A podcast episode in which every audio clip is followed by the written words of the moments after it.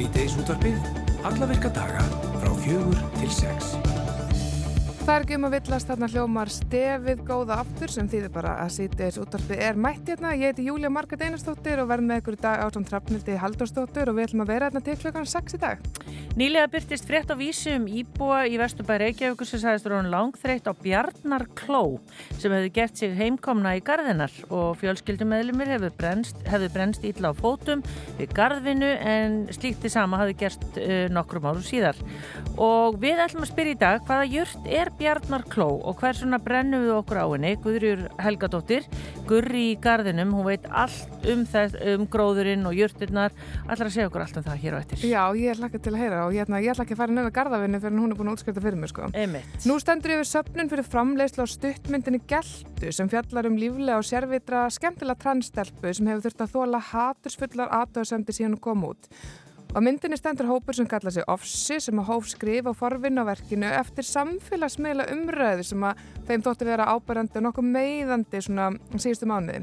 Leikonan Sigriður Láretta er handriðsöfundu myndarinnar, hún kíkir til okkar ásamt leikonunni Örnu Magnu Dansk sem er ráðgjafi verksins. Það er alltaf að segja okkur frá þessu. Já, og eins og lustundi verða var við, þá erum við að fjalla um ímislegt sem tengist Vestlurmannahelginni og Nostalgíu 80's ball er eitt af því sem verður í bóði og það er engin annar en Kalli Örvars sem að ætlar að öskur syngja lög frá þessum tíma í sjallanum og akkurir á förstaskvöldi og við ætlum að ringja norður í Kalla og hver veitum við fáum hann til að taka eina eftirhermi fyrir okkur. Á öskur syngja, sko, það er hérna svona minn karokistýl, þannig að ég er alveg að tengja þetta. Já, og svo þetta er með með vikunar sínum stað, það er 50 dagur í dag, Alli Fannar Bjarkarsson, hann ætlar að segja okkur að því helsta sem að brennur á internetinu. Já, ég hlaka til að heyra það. Um, og svo er þetta nógum að vera eins og, já, fyrr segir að það er Vestlunumanna helgin, stærsta ferðahelgi ársins handan með hotni og fjörið ennuðlega bara hafið við umland. Ég held að svona kólinn í grillunum er alveg farin að hitna og tjöldin er að spretta upp og það er bóðið upp á skemmtilega dagskrá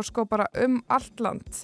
Og það eru nægu að velja fyrir ferðaglega Íslandinga sem vilja njóta náttúru og aftreyingar og uh, við sáum það á þann að það verður sko nokkuð um dýrðir í kjós. Það sem að laugat á sunnudag verður reistur hoppukastali, það verður varðeldur og fólk er kvart til að fjölmenna í sko ákveðnum búning sem er lópapeisa og hattur. Þetta er kannski svolítið svona verslunum að helga búningur Íslandinga og Karin Rós er að meðal skipilegjenda Karin, hvernig hérna gengur uh, skipilegið? Það gengur bara rosalega vel. Ég er bara útrúlega spennt fyrir þessu. Ég held að þetta verði mjög skemmtilega helgi. Og já, já ég er bara ótrúlega. Já, maður er búin að heyra alveg svolítið um þetta. Er þetta í fyrsta skipti sem þeir eru með þessa háttíð eða er þetta arlegt? Sko, þetta er í fyrsta skipti sem við erum með þetta en þetta hefur verið hérna í kjósinu samt í marga ár og við erum bara að halda í hefðina. Já, halda þess áfram. Við erum nú stundum á Rástvö útvarpað í beitni útsendingu, hérna brekkusöng og öðru slíku á sunnudegi. Já, Já, það verður brekkusöngur í ár líka. En þegar þú segir við, þá meinar þið í kaffi kjós, eða ekki? Já, við hjá kaffi kjós. Akkurat. En er þetta, hérna, er þetta ekki mestmægnis fólk sem er í bústöðum þarna í kringa eða hvað? Jú, ég held að þetta nú bara fólk aðstæðar af sem kemur. Þetta er mjög, þetta er náttúrulega stutt frá Reykjavíkurinni, þannig að, já. Já, er hægt að fara frá höfuborgarsæðinu bara í svona dagsferð? Já, þetta er náttúrulega bara 30-40 mínutur frá Reykjavík í rauninni, kannski fer svolítið eftir uh, umferð. Júli er sko ekki með bílpróf, hún er þá að tala um að hún myndi lappa þetta. Já, ég myndi, ég myndi bara skokka þetta, taka stræta á eitthvað slús.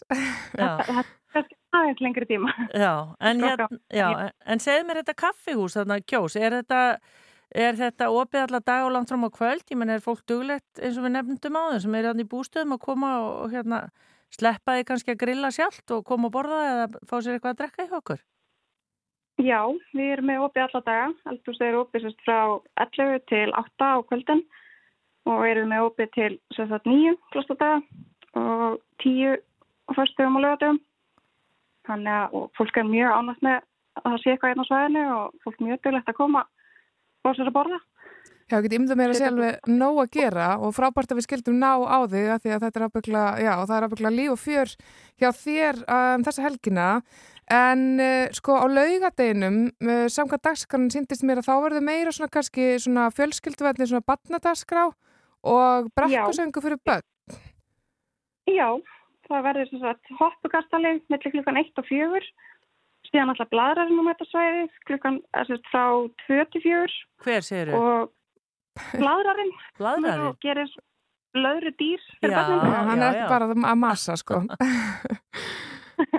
og svo er brekkusöngur, já, og svo hérna á sunnudeginum. Við ætlum líka að bjóða upp á sem sagt frían íspuna fyrir klukkan 2. Ah, bara fyrir börnin. Já, bara fyrir börnin. Já, já. Án ónæmisvalda og ekki því að henda flestum. já.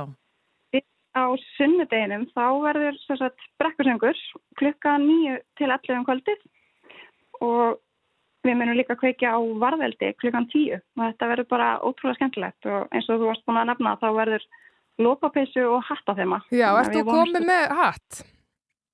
Herri, já, ég er komið með hatt. Hvernig, hvernig lítur hann út? Ég er ekki enda búin að sjá hann. Nei, þetta var, það- já. Er, er að fá hann lánaðan. Hún fá lánaðan. Já, En það væntalega flott. svona eitthvað í kúrikastíl. Já, við vonumst bara til að sjá sem flesta típur á hattum, sko. Því Ja. skröðlar í því.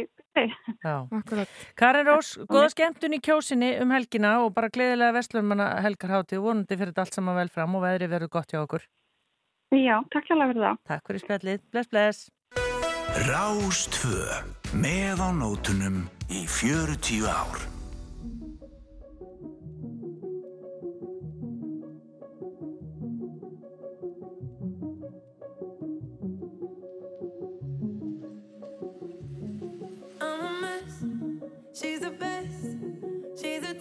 Out of 10. While I am who I am, got a closet full of skeletons. But I'm honest about the evidence. I say yes, you said next. You can't stand what I did, now I can't get away with it. Like she can. Oh, damn. What you don't understand is angel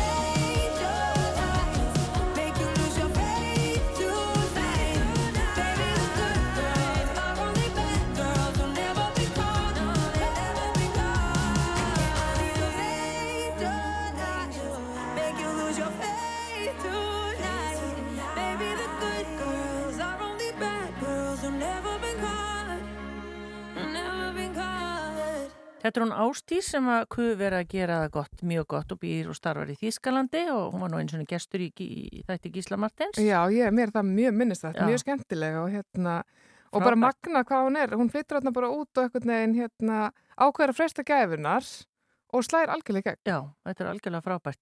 Uh, Júlía, ég sá hérna eina af helstu fréttum á rúfvefn núna er það að ráðherra ferðamála segir óásættanlegt að veitingahús bjóði engungu upp á matsela á ennsku og hún bóðar vitunda vakningu um stöðu íslenskunar í ferðarþjónustunni og hún, íslenskan eigi alltaf verið í fyrsta sæti.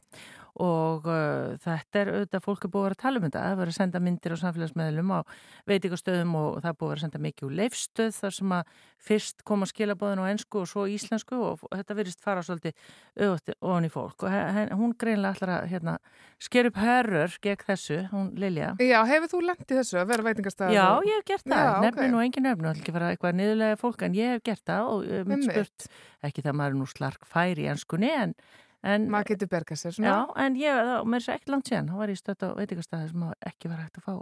Hérna, Það var bara ekki í bóði. Nei, það var bara á ennsku.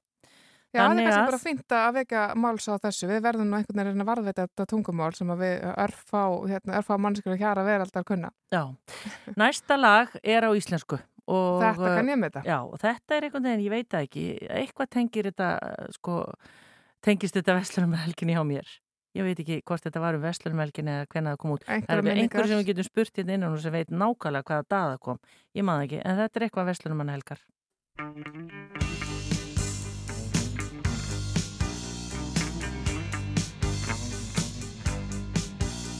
Á morgun er komin nýr dagur og sporin sem ég steg í nóg fyrnast fljótt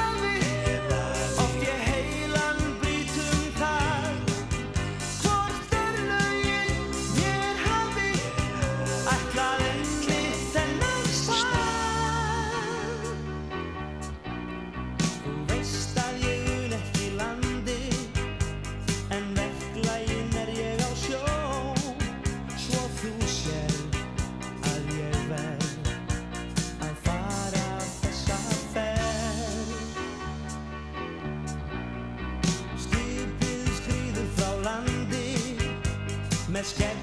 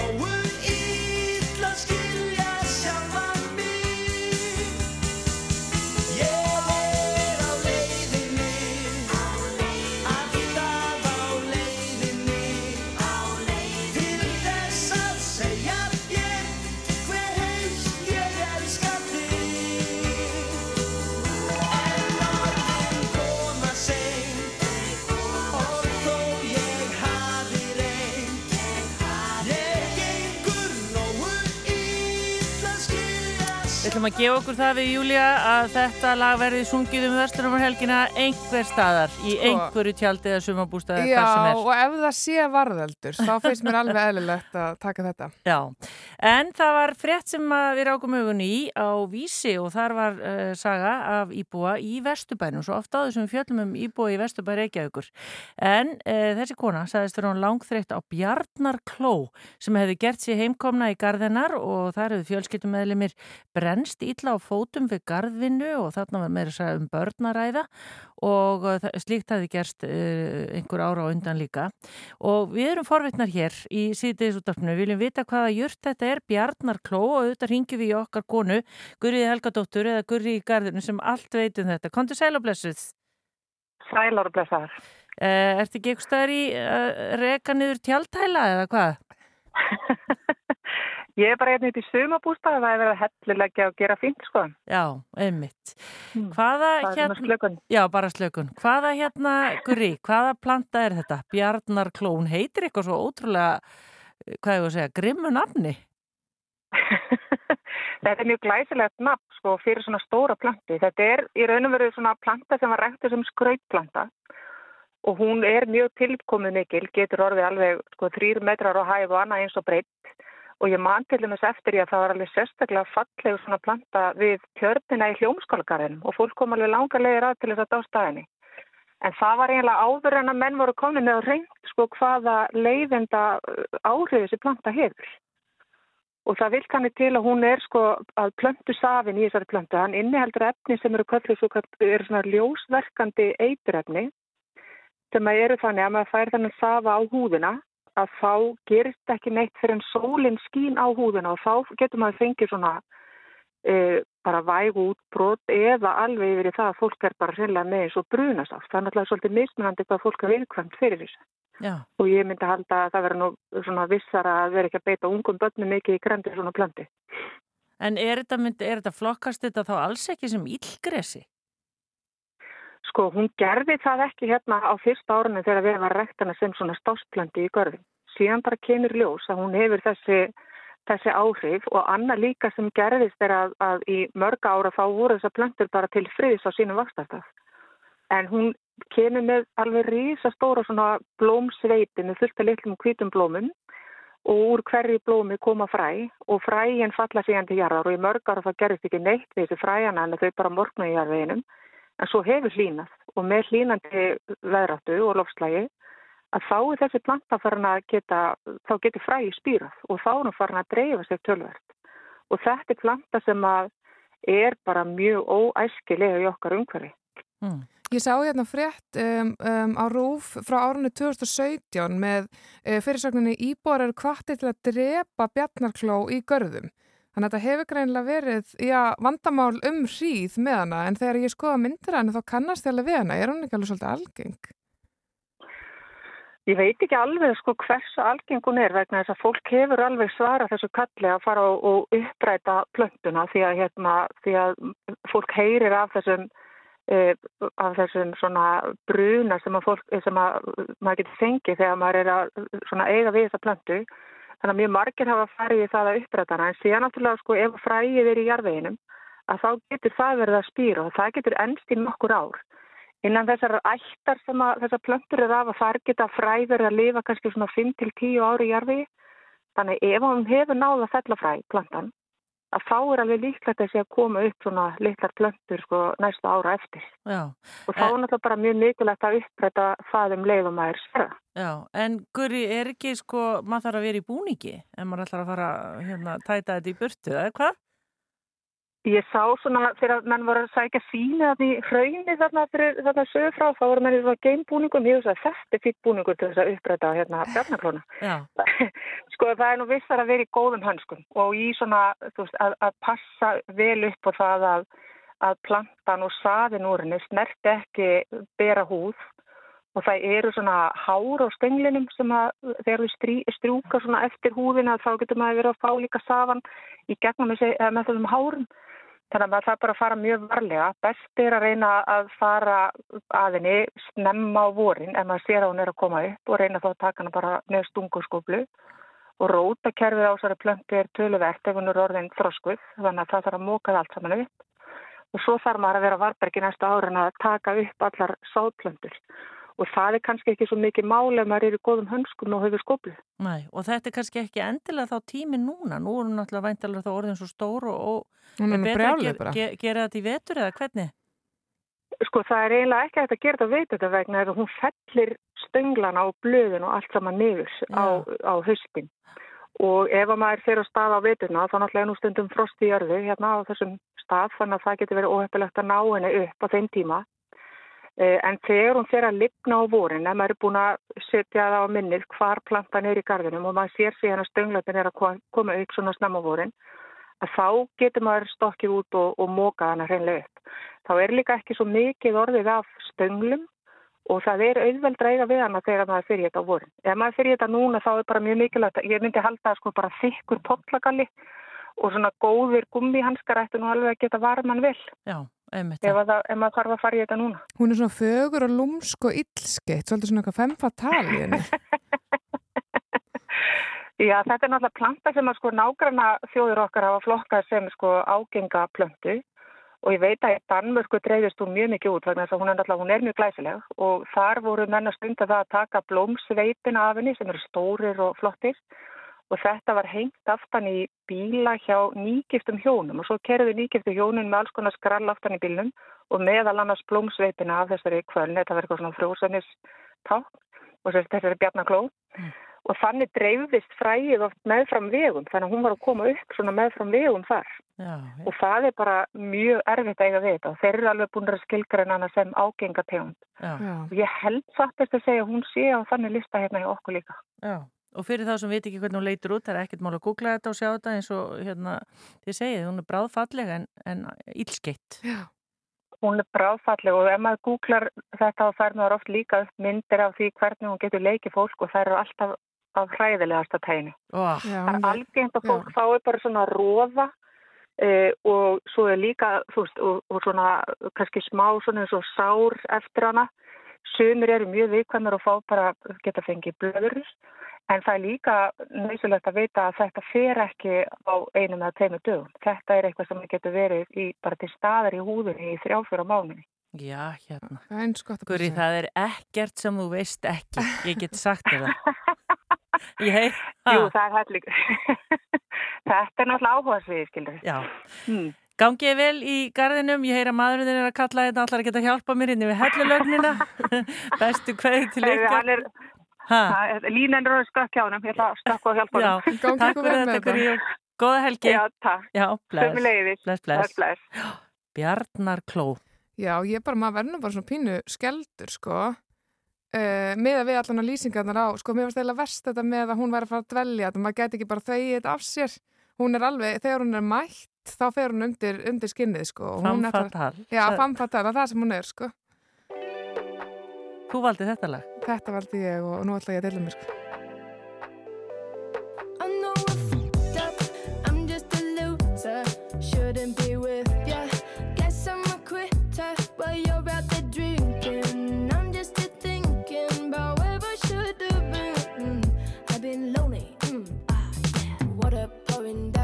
the ceiling. I knew this would happen. Still hard to believe it. Maybe I'm dramatic. I don't wanna see me. I don't wanna panic. I'm a sad girl in this big world. It's a mad world. All of my friends know it's heaven. You're a bad thing.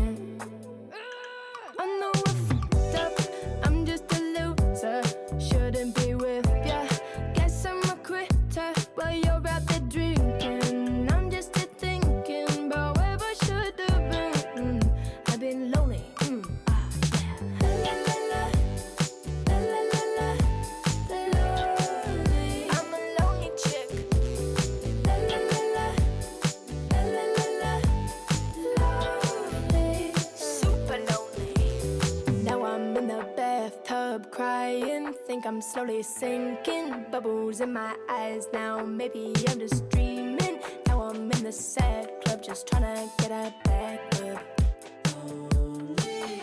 I'm a sad girl in this big world. It's a mad world. All of my friends.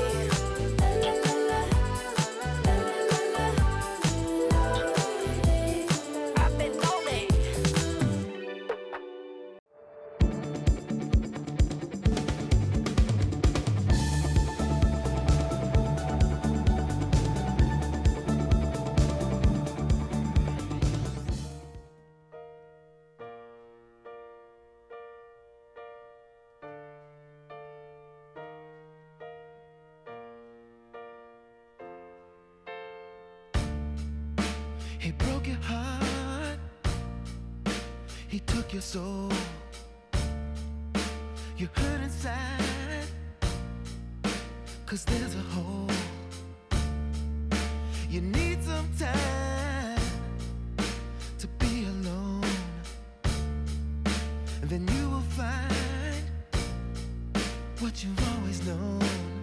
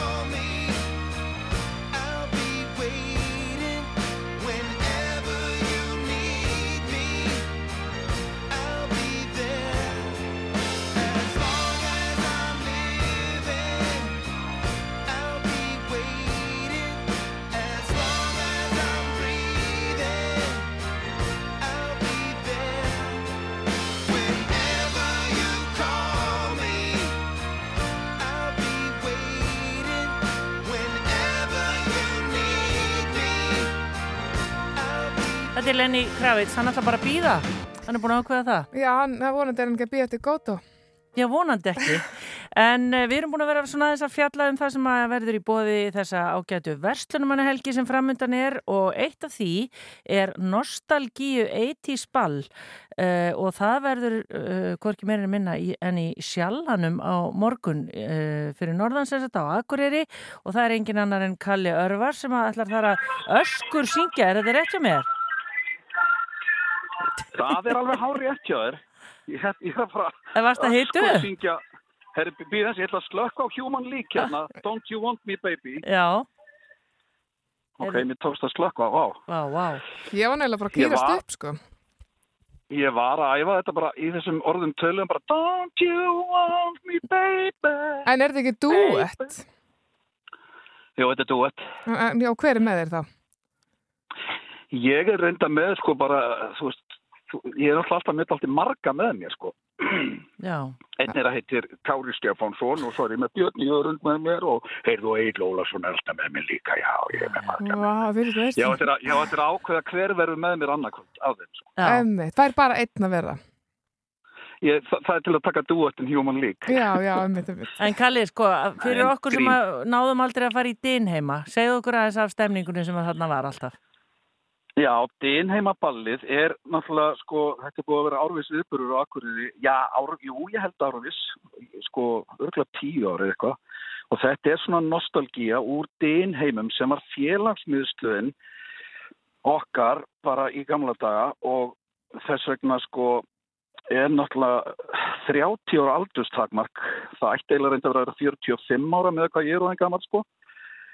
En það er 30 ára aldurstakmark inn á þetta ball af því að við viljum ekkert vera með einhvert krakkaskrýl, við viljum bara að liðið sem var í dinheimum meðan félagsmiðstöð, það er fólkið sem á að vera á þessu balli. sko. Já, og hvað er þetta bara, verður bara hérna, spurt um skýrtinni og allt og hérna, daldi tekið strangt á því?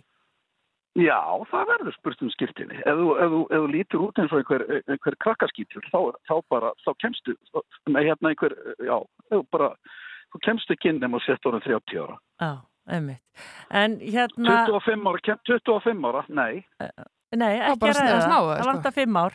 En hérna Kalli Það bara... vantar fimm ár. Já, það er búið að vera að hérna, rifja upp uh, þetta tímabil hérna á rásina þegar rástöfu 40 ára og bara Já. eitthvað svona í nokkrum orðum. Þú veist, þú ert náttúrulega búin að taka þátt í sjónvastáttunum og svona. Er þetta, myndur þú segja, besta tónlist ever?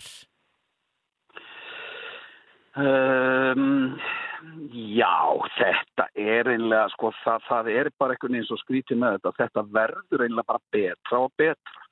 Og það má náttúrulega heyra þetta bara á nútíma tónlist sem er bara verið að, að gera í dag. Að stælingin, sko, það, það er náttúrulega stælt 90s, það var stælt 20s, svo er það stælt að, þú veist, 2000, uh, þú veist, það er ennþá verið að leita í þennan brunn. En jú, jú, það er svo sem er verið að leita í 70s brunnin líka en, en þetta reyfir alltaf mest við mér einhvern veginn. Þú veist að hlusta á gott lag með spand og baleimaður, þú veist, þetta er alveg sko. Það er bara, þú veist, svo er þannig maður líka, þú veist, ungur að verða ástfanginn og, þú veist, og, og, og, og, og, og þetta bara svona, þetta, þetta er svo, þetta er svo sterkar tilfinningar þegar maður er á þessum aldrei. Þið munið það nú, er það ekki? Jú, jú, jú, jú. En hvað munderingar, hérna, sko, vegna þess að, já, fólk var nú skreitlað til fara, myndur þú mæla með því að maður færi svona í gömlu hyslutnar og, og fyndi svona 80s gallan til þess að passa eitthvað þennan algjörlegin? Já, ég myndi, ég myndi algjörlega mæla með því.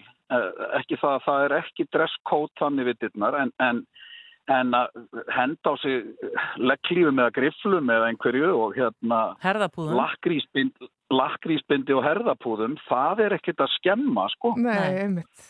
Vá. Og, póka, svona pókabuxur. Já, já, einmitt, það voru hvað, bara uh, nokkri kallar sem ég þekki í dag sem ég veit að gengum í pókabuxum. Veitu Maður hvernig bara- voru þær aftur? Það bara, Það voru fáranlega. Júli, ég skal sína mynda. Það er raunverulega svolítið að neðan. Já, en ofsalega pókandi svo bara svona vika er alveg bara mjög, mjög vel upp, skilur við. Já, og eiginlega þetta aldrei óklæ, óklæfilegar. Og, já, og svona tegja í mittið, ekki bara, þú veist, þetta er ekki tala og rennilás. Það er örgulega fínt, ef maður ætlar að borða mjög mikið, til dæmis, eða svona belga sig út af einhverju, kannski drikkjum eða eitthvað svolítið, þá getur verið gott að vera í bókabúsum. Jú, jú, svona hvernig vakstalag mitt hefur reynda breyst aðeins í gegnum tíðina, þú veist, þá myndi þau þetta fyrta mér ágætlega líka bara núna, sko, en, en, en, já, já, ok. Já. Allt um, um ballið, hvenær byrjar þetta? Ég, sko, sjallinn sem átt að vera búið að rífa fyrir einhverjum árum, það er, er still going strong, eins og sagt er á góðri íslensku.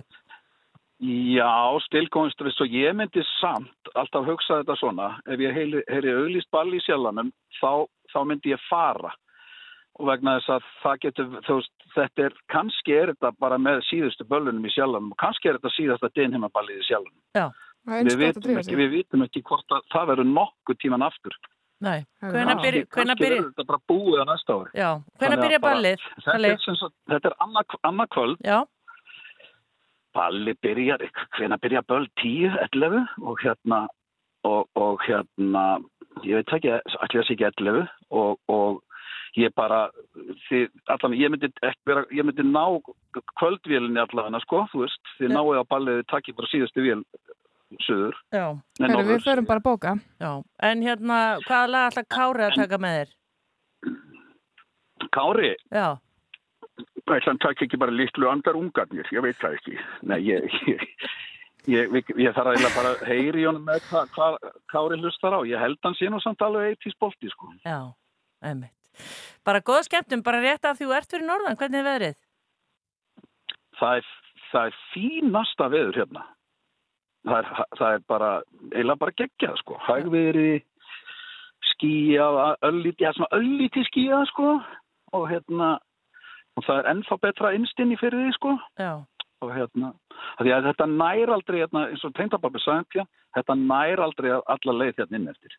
nei, Það er verra veður utar í fyrirvinum, sko. Svo er bara veður veggur, hérna, við, við, hérna, einhverja eyri, hérna, utar. byrja, byrja. Já, nei, mér finnst þetta, já, Þið vitið alveg, það, hér er alltaf gott við. Já. það er nefnilega máli, það er sko hlýra á sömrin og það fallar á veituna. Þetta er bara, það er, það, hérna, þú hefur allt eitthvað en það er komið fyrir norðan. Já, þetta er vetur, vetur og veturnar og sömur og sömurinn. Já. Góða skemmtun á morgun, Kalli. Ha, Svo, hvet, já, svo vil ég bara í lokin hvetja gömul skólasískinni mín og gagganum til að hérna, henda sér nú í gallan og koma á 80s dýn heimaball annarkvöld. já, Það er bara, það er ekkert flóknara. nei, bara góða er, skemmtun. að- það, sem sem ég er að öskur syngja viðlög. Þú lofa því. Já, Já. ég lofa, ég lofa því. Ég, ég bara var að efa með á hann, sko. Núna, núna skalstu, Final Countdown með Europe og, og allt þetta, sko. En núna kemur túnskýrstansinn. Byrjaðu nú á því að æfa það ratböndu með því að taka undir í því. Ekki spurning, Selfur. Takk fyrir kærlega spjallið. fyrir að ringi mig. Já, bless, bless. Ókei. Góða skemmtun, bless. Bye. Takk.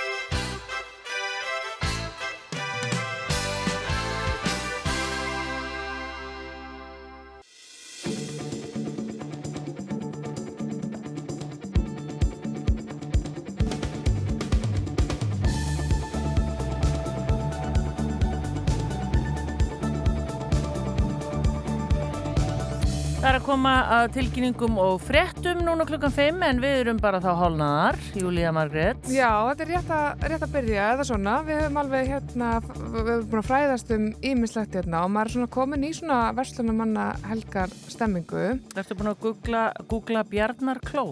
Ég er búin að googla Bjarnakró og er alveg bara svona, ég, að því að sko þetta er svona blóm sem að ég, svona mér langar snerta þegar ég sé það. Mér langar eitthvað svona handleika, mér langar að setja það í vasa, eitthvað svo leiðis. Þetta er mjög tignalegt blóm og það er svona, það vel, veldur smá svona uggja mér eitthvað en að átta mig á því að sko ekki all blóm er það sem við séð. Nei, einmitt. Við ætlum hérna eftir að fjallum ímislegt, við ætlum meðal annars að fá með með vikuna frá honum Alla Fannari. Já, hann, hann dregur alltaf upp eitthvað skemmtilegt sko. Það er ótrúlegt hvað internetið svona getur farið með mann í, já, rosalega ráttir og það, það þekki þannig að engin betur heldur en samfélagsmiðla gúrúin sem hann er og það er aldrei að vita hvert, á hvaða slóður hann er komið núna. Hann er með þetta allt sko, hann er á Instagram, hann er á, á TikTok, hann veit allt um Facebook og Twitter. Já. Veit ekki hvernig hann kemur inn í verka en þetta er alveg, alveg, alveg magnað og gaman að fara svona ferðarlega með honum. Já, og svo ætlum við að heyra af stuttmynd.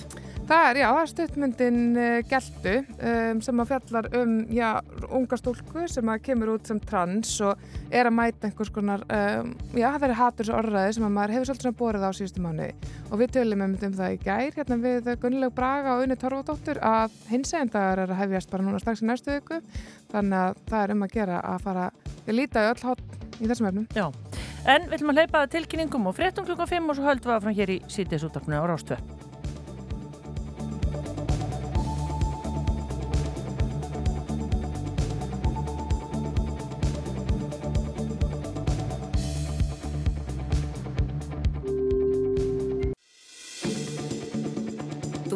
Hlusta á síðdeis útvarpið á Rástvö. Sýtis útvarpið áfram með ykkur, það er komið að setni háluleik eins og við segjum gætnan. Ég heiti Júlia Marget Einarsdóttir og Hrafnildur Haldarsdóttir situr hérna gengt mér. Það eru komna til okkar tvær konur, kvikmyndagerðarkonur, það er Sigrir Láretta og Arna Magnea.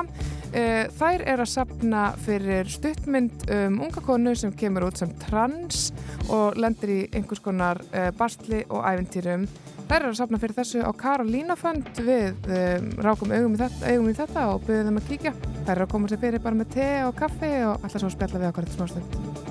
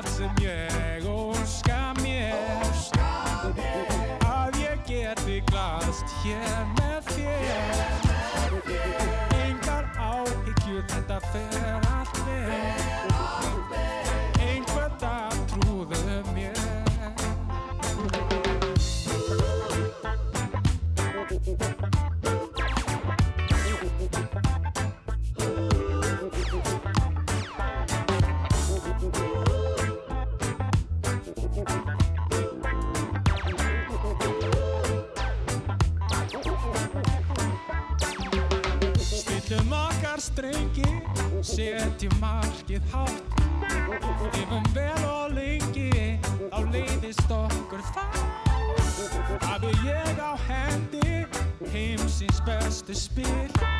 Sorgirna þá sendi í svartan myrkan hér Þetta er allt sem ég óska mér. Að ég geti glast hér með þér. Engar áhyggjur, þetta fer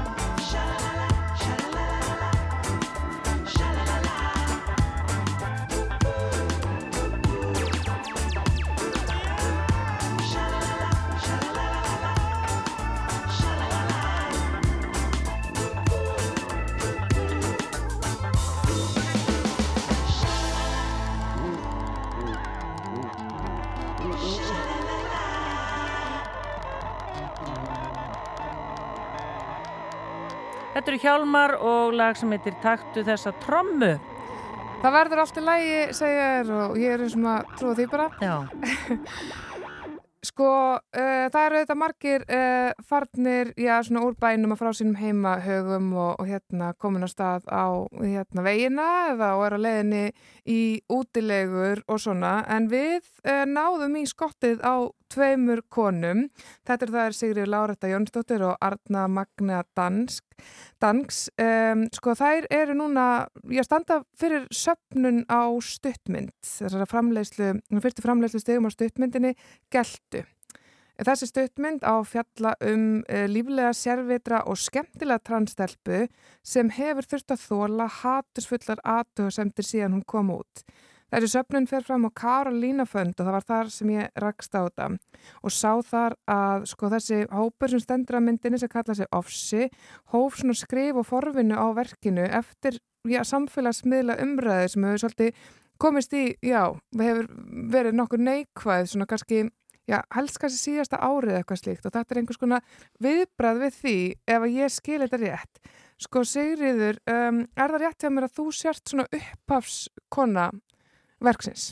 Sko upphaf verksins er uh, tæklun og rannsókn á hatusorðræðu sem að ofsi og önnur uh, forvarnafélög standa að og þau fengum mig til að skrifa stuttmynd um hatursorðræðu í mjög víðu samengi og, uh, og ég ákvaði að gera það um transmannesku, transstelpu vegna þess að bæði var umræðan hérna heima opaslega gróf og svona kannski þessur, þessir hópar sem eru hvað mest í aðarsettir innflytjendur, nei hérna flóttafólk meina ég og, og svo transkonur og auðvitað fleiri sko. en, en mér langaði mjög mikið að tækla það og líka sérstaklega eftir sagt, uh, mjög bara hræðilegt morð í Skotlandi á transstelpu uh, og einn af samstarfsæðalunum okkar er uh, skost félag Þannig að, já, já umfjölduna efni myndarinnar er, já, haturs orðræða, það er svona grunnurinn sem að þið byggið á. Já, já, og svo líka hvernig svona eitru kallmennska um, svona kæfir samkjönd og hvaða leið sagt, hennar svona, svona hennar aðal kvalari myndarinn blævar, hann heitir Hörður uh, hvað er að baki hans uh, svona áreiti hegðun, já. já. Akkurat, og þú ert uh, leikona og handrilshöfundur mm -hmm. og hjá þér situr önnur leikona Arna Magnea. Hvernig kemur þú að þessu verki? Já, ég kem að þessu sem hérna ráðgjafi og síðan hérna smá saman þá hérna verð ég meira og meira uh, innvingluð í verkefnið og, og það er til dæmis uh, ofbildisena sem að því ég líka lærð átuleikstjóri og ég koreografa ofbildisenina í verkinu og sen er ég að hjálpa uh, krökkunum svona leikþjálfi getur við sagt að ég sé líka. Að því að nú eru leikarinn okkar þau eru ekki lærðir leikarar þannig ég er að allir. nei ekki allir þannig að, að, að ég er svona aðeins að vinna með þeim Hvers er áhættu? áhættu leikstjóri Akkurat. og hérna sem ég lærði út í Breitlandi og ná eftir að ég var búin að læra leikaran Mm. um, og ég er náttúrulega kem að þessu sem ráðgjafi að því ég er uh, transkona og ég þekki þetta mjög vel á mínu eigin skinni og þessi hatusórræða verður bara sífælt grófari og, og einhvern veginn leifir fólks er að segja það sem að kannski var sagt bara svona eitthvað staðar í uh, skuggarýmum hérna áður í kaffistofum hingað og þangað að það er bara komið upp á yfirborðið og fólk finnst það bara eiga rétt á því að segja hvað sem er, hvenna sem er við hvert sem er. Er þetta á þetta sér einhverja svona fyrirmynd sögutráðurinn eða er þetta bara svona litlar sögur sem eru sagðar í eina eða? Þetta er aldrei blandað af, uh, ein, þetta er innblásið af hljóðbút sem að uh, var spilaðar í kastljósinu í hitti fyrra, það sem að voru litli strákar að hérna, leggja strák sem að var samkynniður í, í einelti. Ég veit ekki hvort þið munið eftir. Jú, jú. Ég man að þessu, já. Já, já, já, já. Um, það er krakkarnir sem að beita eh, ofbeldinu í myndinu eru daldið innblásnir af þeirra svona um, hegðun uh, og svo já og svo eru sem sagt, uh, fló, svo er flótta fólk í myndinu líka flótta uh, sískinni sem er flótta fólk er flótta fólk og það, þeirra sögur eru, eru klálega innblásnar af um, mínum kynnum við flótta fólk sem að ég hef unnið með í gegnum, gegnum listina En hvar stendur verkefnið? Uh, Það er búið að skrifa þetta og það er auðvitað búið að finna leikara. Hvar, hvar eru þið í þróunarferðinu núna? Sko, við, erum, við munum uh, taka hana upp, sko, en við bara þurfum eiginlega svona smá meira puss til þess að geta gert hana almennilega. Við þurfum eiginlega að uh, skera niður handritið núna eins og það er ef við ætlum að gera þetta fyrir þann pening sem við eigum. Þannig að hérna, fjáröflunin er til þess að geta tekið hana upp almennilega. Þannig að það er, það er mjög mikið af góðu fagfólki komið með. Það er hérna, leikstýra frá Argentínu sem heitir Sol Berruzzo, uh, Pichon Rivière uh, og sagt, framleiðendur frá Nýjark Media, Marja Lea og Anna Svafa. Og þannig að það, það hérna, það vantar bara fjármagn til þess að taka hana upp almennilega, til að greiða öllum mannsamandi laun og, og hafa tíma til að taka hana upp almennilega. Já, mér dætt nú í hug sko, ef það gengur vel í þessari söfnun, uh, þarf þetta þá endilega að vera stuttmynd? Er þetta ekki stór og mikil saga? Það væri náttúrulega bara æðislegt, sko. Mér langar helst að gera seríu, þú veist, það er svo margt, maður uppgötur bara svo margt. Maður fær að tala við fólk sem hefur svona mik mikið að segja. Mm. En hérna, en ég held bara eins og er að það væri of uh, mikið breyting af skipuleginu Já. akkurat núna, sko. En góð hugmynd. Já. Já. Hvað hérna, hvað á fólk að gera sem að vill leggja þessu lið, þessu frábæra verkefni? Uh, fara inn á Karolína Fund og bara styrkja hérna myndina með því sem það tristi sér til þess að styrkja og allt smátt hjálpa til uh, og dreifa þessu veist, tala um Mhm. þetta dreifa þessu samfélagsmiðlum benda öðru fólki á þetta og bara skapa umtal Mhm.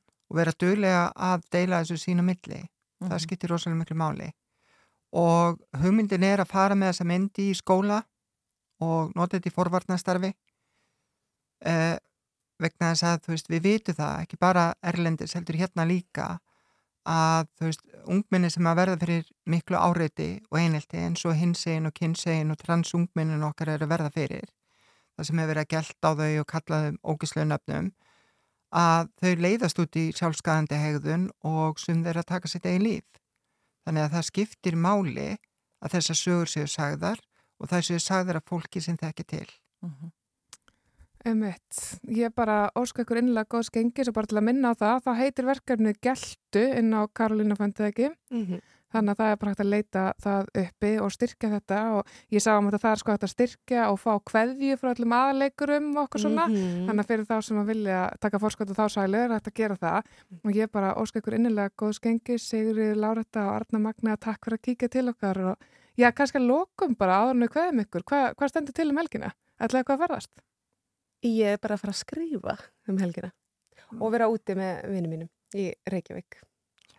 Hanna, miðjan mín uh, er að vera 12 ára, þannig ég ætla nú bara að halda upp á ammalið hans og hafa gaman að gera eitthvað hérna í bænum. Verður mikið veisla? Uh, nei, uh, það verður ekkert mikið veisla en það verður vonandi skemmtileg veisla. Frábært. Inn og, enn og aftur. Til hamingi með þetta gangi ykkur vel. Til hamingju með drenginn. Já, til hamingi með drenginn. Karolína Fönd og þið finnið þar þetta verkefni geltu. Takk fyrir komuna Anna- Arna Magnea og uh, Sigriður Lárita. Takk fyrir. Takk hella.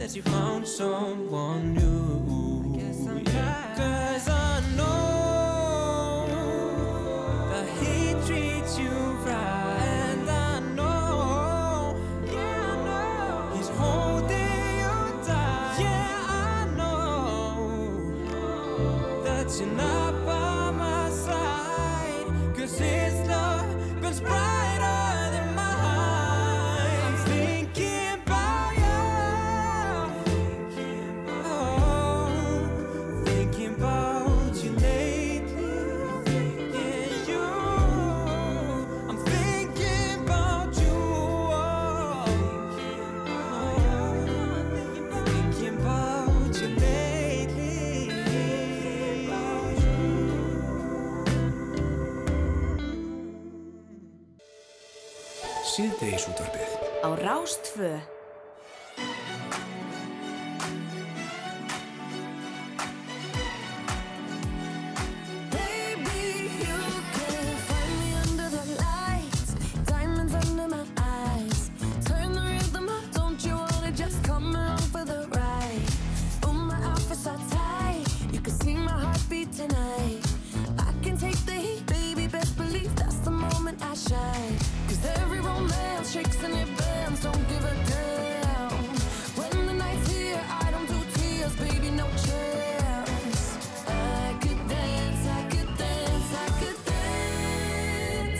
dance. Watch me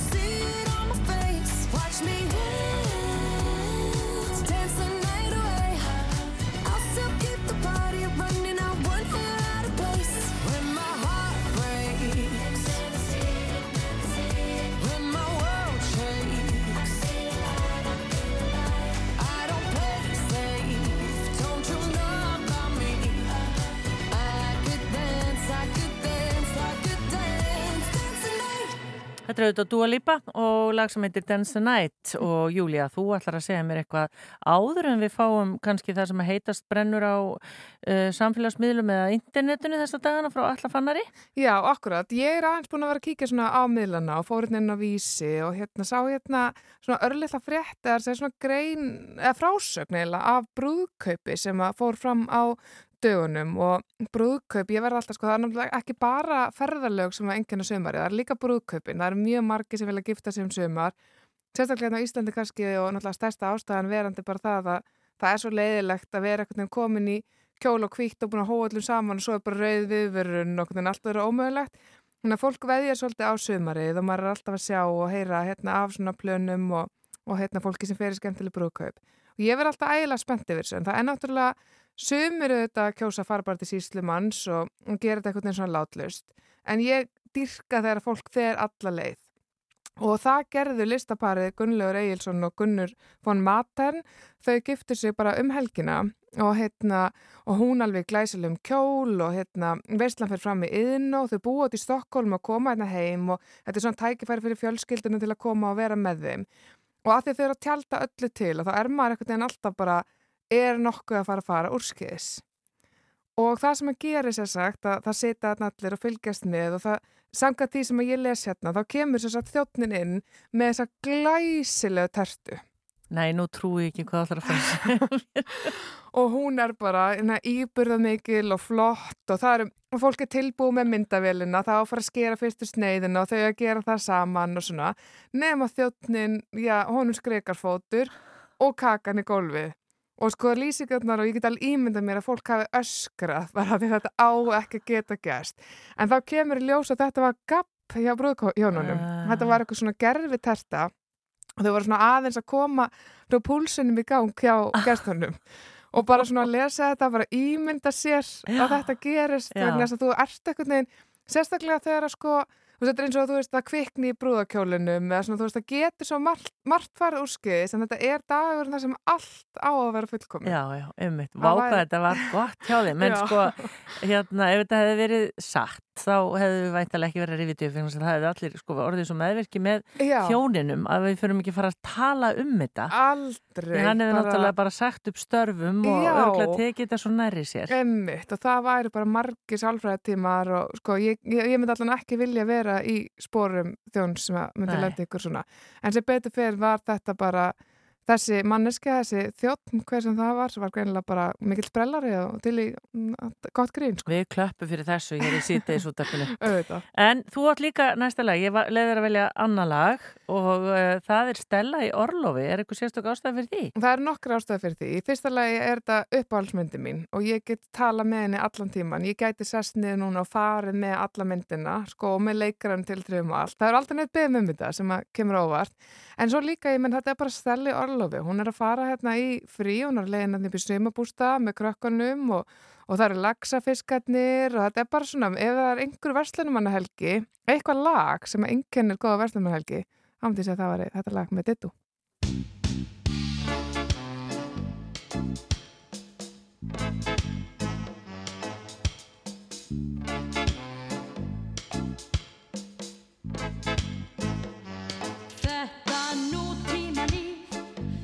Svo mikils af mönnunum. Í sveita síns andlits sjá þeir vart út úr önnunum. Bógin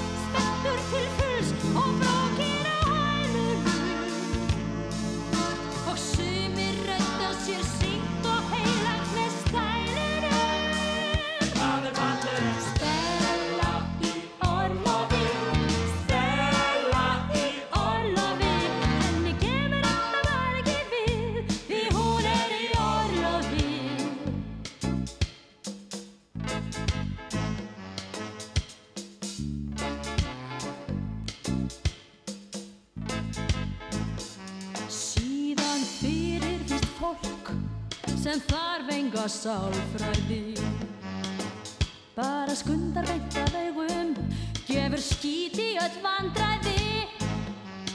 Meðan aðrir ligg upp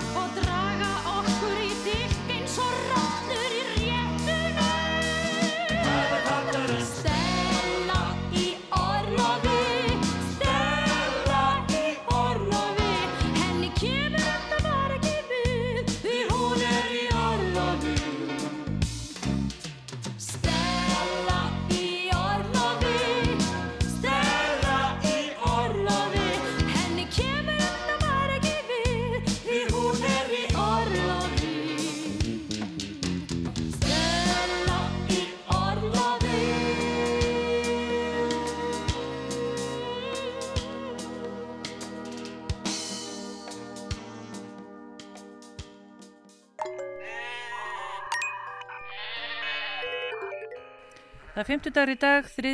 ágúst, við gerum enga undartekningu þó að sé Vestlunumannahelgi framöndan, það er með með vikunar. Já, hér er hérna Alli Fannar Bjarkarsson mættur með eitthvað, hann sko var mjög ákveðin í þegar hann gekk hérna inn að tilkynna það að þetta, hann ætlaði að koma okkur óvart. Já. Við veitum ekkert hvað hann er að draga fram. Einmitt, einmitt. Og jú, þetta er nú alltaf svolítið skemmtilegt, en, en eh, nú er það Barbie. Ah, Já, er, eru þið búin að fara Barbie? Nei. ég á þetta eftir og skammast mér eftir? mjög. Já. Ok, ég er búinn. Mhm. Og hérna, já, já, þetta var bara fínt, en svo, það er umlega, sko, það er eiginlega ekki myndin sjálf heldur, sko, eftirkostin sem eru til umræði hér og eru svona, eru svona að storma þessum internetið. Eftir skjáltar. Eftir, já, það er eiginlega bara betur orðað, eftir skjáltar. Sko, uh, þetta eru þetta, sko, feminísk mynd og, og, og bóðskapurinn og slít og, hann er að fer misjaflega ofan í fólk eins og gengur og á fréttaðunum BuzzFeed er núna frétt um sagt, konu sem að hætti með kærastanum í kjölfarið á myndinni. Uss. út af viðbröðum hans við myndinni. Það var hann svo óana með hvernig hann brást við bóðskapnum og hann var, hann svona eiginlega, hún lýsir þessu hvernig hann svona brást ókvæða við svona eftir myndina, hann fannst eiginlega skrít en það hefði verið dregin á myndina og, og var svona litið í takt við svona, það eru ákveðni menn kannski sem eru svona þekktir internetpersonleikar á svona hægri vang stjórnmálana sem voru að fara á myndina eiginlega til þess að rífa hana niður út af þessum feministka bóðskap og þessi virðist að verið svona á þeirri línu og hún bara slítur þessu. Og hún er að spyrja semst inn á frettin fjallar um það sem hún er að spyrja á, inn á þessu reddit hvort að hún sé semst hafi haft rámt fyrir sig með þessu. Og hvort það er ósangjart en þess að viðbröðnars voru mjög sterk. Hún hætti með honum og hann hverfur og, og, og hann í ákveðin tíma og svo, svo finnst hann hjá, hjá frængu sinni og, en svo kemur í ljós að hann held fram hjá henni. Ah. þannig að þetta, þetta er bara jafnvel þó við höfum kannski okkur hann fundið þess að skrýta að hætta við, með honum eh, út af viðbröðu kvikmynd að þá var það sem kom líka. Þannig að þetta var svona góður endir fyrir, fyrir þessa konu. Nema hvað, en á TikTok þá er, er þetta að fara eins lengra. Það er svona sérstakt próf að, það sem svona myndbað það sem að konur eru kvartar til að fara með kærasta eða bara jafnvel á fyrsta stefnumót á Barbie og nota myndina sem próf á sagt, sambandið eða vantilegt samband. Hvernig viðbröð hans eru við myndinni? Og þetta geti svona haft svona, sínt svolítið svona hvaða mann hann hafa að geima og þetta próf er bara búið að algjörlega bara slá þvíldi gegn og er bara að, að storma um myndinendið og, og, og þetta er svona, er að hafa afleðingar það er að koma, er að koma fæslur frá konum sem að hættu með kærustunum eftir að þeir fóru á myndina saman og það er að lýsa því og ég horfði á eitt, eitt myndbanda sem kona er hreinlega að þakka Barbie fyrir þar sem hún bara svona sá ljósið í rauninni þegar hún fór á myndina og svona átta sig á því að hún væri í mjög slæmur sambandi og, og mögulega voru þá kannski bara viðbröð kærasta sem myndinu svona kirsubyrðið á, á toppin eða kortin sem fylgti mælin eða hvernig við höfum að kalla þetta. En hvernig próf er þetta sem það eru að taka? Þá er það bara í rauninni sko, þetta er kannski ekki, ekki svona kannski fysiskt prófa sem þú hakar í bóksin, heldur meira bara að kanna hvernig þið breðast við þessum skilabúm sem myndin hefur að, fram að færa og, og,